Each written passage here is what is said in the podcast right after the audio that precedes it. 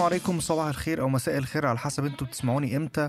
معاكم حازم مهني وحلقة جديدة من بودكاست اي وأنا روك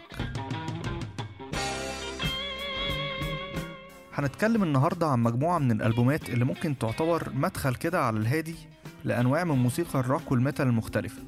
ممكن أنت تبدأ تنطلق منها لو عجبتك وتروح في السكة اللي أنت حاببها. من الأول كده الألبومات دي مش بالضروري يكون منها classic albums وممكن في نظر ناس كتير ألبومات منها هي مش من the best of all time لكن اختيار الألبومات دي جه من أهميتها كونها فتحت باب لنمط معين. وفي منها اللي ممكن يكون سهل على الودن. وفي منها ترجيحات شخصية من عندي تماما لألبومات ساعدت في تحويل دفة اهتمامي للموسيقى دي زمان. ف relax كده ويلا بينا نبدأ.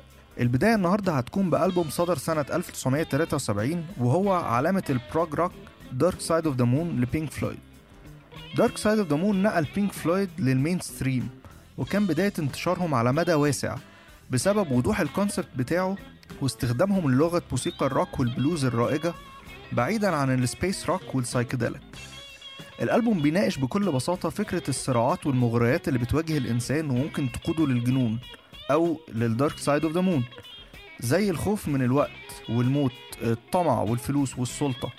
وطبعا المرض العقلي اللي بنلاقي له إسقاطات كتير في موسيقى Pink Floyd وده بيكون إسقاط على حالة Syd Barrett أحد مؤسسي الفريق اللي اضطر إن هو يسيبهم بسبب عدم استقرار حالته العقلية. Dark Side of the Moon بي mark بداية العصر اللي بدأ Roger Waters يفرض سيطرته على الفريق وبدأ هو اللي بيقود دفة Pink Floyd للمكان اللي هو عايزهم يروحوا فيه ومن الحاجات ال interesting جدا بالنسبة لي في العصر ده هو إزاي Waters كان عنده رؤية للموسيقى والكلمات.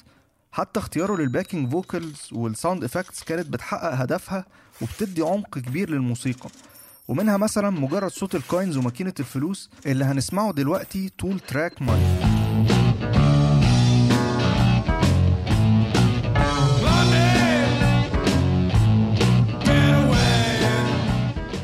وأنا في ثانوي واحد صاحبي كده الله يكرمه اسمه شرنوبي مال عليا واداني شريط كاسيت فتح لي سكة مع band فعلا أنا ما سمعتش حد شبهه وهم Savatage والشريط ده كان ألبوم Streets rock opera Streets من أحلى الألبومات اللي أنا سمعتها شخصيا في حياتي ومن أهم الألبومات اللي لازم تسمعها لو عايز تسمع mix بين السيمفوني وال heavy metal الألبوم عبارة عن rock opera بتحكي قصة صعود وهبوط نجم و guitarist اسمه DT Jesus وهو مبني على مسرحية كان كاتبها ال producer بتاع ال band Paul O'Neill.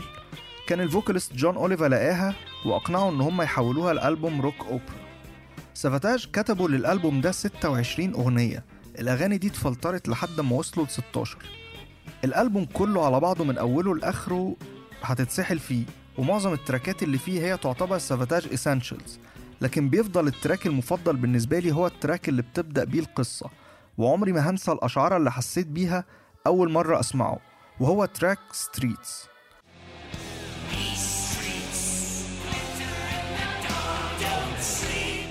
الفترة بتاعت أواخر التمانينات وأوائل التسعينات كان يعتبر العصر الذهبي لل thrash وال death metal لكن في سياتل كان في حاجة مختلفة تماما بتحصل وهي بدء ظهور موجة الجرانج الجرانج كان بيتميز بأن هو موسيقى سهلة على الودن على عكس اللي كان موجود ساعتها.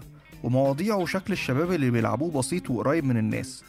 وفي مقدمة الموجة دي كانوا Nirvana وألبومهم Nevermind Nevermind كان الألبوم اللي فتح الباب على آخره للجرانج ومن بعده لل alternative وده بسبب إن هو كان ألبوم radio friendly وإن MTV كانوا شغالين Smells Like Teen Spirit 24 ساعة تقريبا لحد ما حفظوها للناس كلها. زائد إن الموسيقى زي ما قلنا كانت بسيطة وده كان مقصود من ال band وكان من أهدافهم أثناء كتابة الألبوم. كلمات Nevermind كانت غريبة شوية وده خلى ناس كتير تفسرها تفسيرات عميقة. هما ما كانوش يقصدوها أصلا وكيرت كوبين علق على الموضوع ده إن هو يا جماعة أنا مش بهتم قوي بالكلمات للدرجة دي وكان بيستغرب إن الناس بتفسر كلامه تفسيرات أكبر بكتير من اللي هو يقصده. بدليل إن كتير من كلمات الألبوم كان بيكتبها أثناء تسجيل الأغاني في الاستوديو أصلا. Nevermind زي ما قلنا كان من أهم الألبومات اللي شكلت نمط جديد من الروك. ممكن ناس كتير ما تكونش بتحبه بس محدش يقدر ينكر تأثير الألبوم ده على شريحة كبيرة من الشباب في التسعينات ولا يقل أهمية عن ألبومات تانية كانت معقدة أكتر.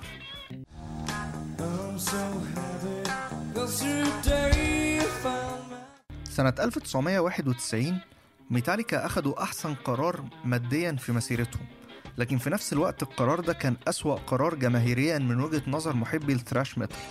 وده لما أصدروا ألبومهم الخامس ميتاليكا أو The Black Album كما هو متعارف عليه.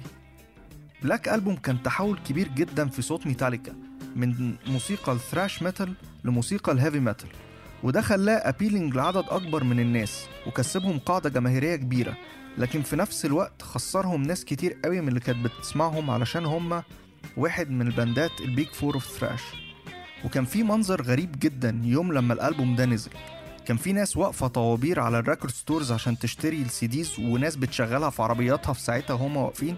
في نفس الوقت في ناس واقفة بتكسر ال CDs القديمة بتاعتهم لميتاليكا وشايفينهم sellouts التحول اللي كان في Black Album كان وجود أغاني أبطأ ومدتها أقل وغياب ال track ال instrumental لأول مرة في ألبوماتهم.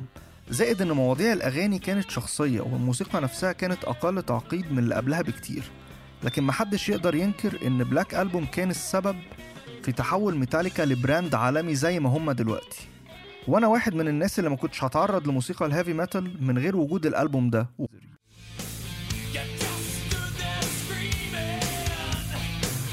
في أوائل الألفينات أنا كنت شاب رابر قد الدنيا وفي رحلة من رحلات توصيل الهاردات المكوكية اكتشفت الألبوم اللي إحنا هنتكلم عنه دلوقتي. كان واحد صاحبي لسه منزله واداهولي وده كانت بداية بذرة التحول بالنسبة لي. الألبوم ده كان ألبوم Hybrid Theory ل Linkin Park. Hybrid Theory كان أول ألبوم ينزلوه Linkin Park وبيظل لحد دلوقتي أنجح ألبوم ليهم. بالنسبة لي ساعتها ال mix السلس اللي كانوا عاملينه بين الراب وال metal كان عجيب وكلماتهم كانت relatable جدا ومفهومة للمراهقين وكل اللي شايفين نفسهم outsiders كأنك بتلاقي واحد بيوصف بالظبط اللي انت بتحس بيه وعايشه زيه زيك وده بالنسبة لمراهق عنده 14 سنة كان connection رهيب اللي هو كأن Chester ده واحد صاحبك I watch how the moon sits in the sky in a dark night, shining with the light from the sun. Sun doesn't give light to the moon, assuming. ودي كده نهاية الحلقة دي بترشيحات الألبومات اللي فيها يا رب تكون الحلقة دي عجبتكم وتكون برضو ساعدت إن حد يستكشف موسيقى ويجرب أكتر. وزي ما قلت في أول حلقة دي مجرد ترشيحات شخصية تماما. ممكن تكون مفيدة لو حد حابب يستكشف أكتر في أنماط الروك والميتال المختلفة. ومش عارف يبدأ منين. تابعونا على صفحتنا على فيسبوك I wanna rock online show وقولوا لنا إيه اقتراحاتكم لألبومات تانية ممكن الناس تبدأ منها.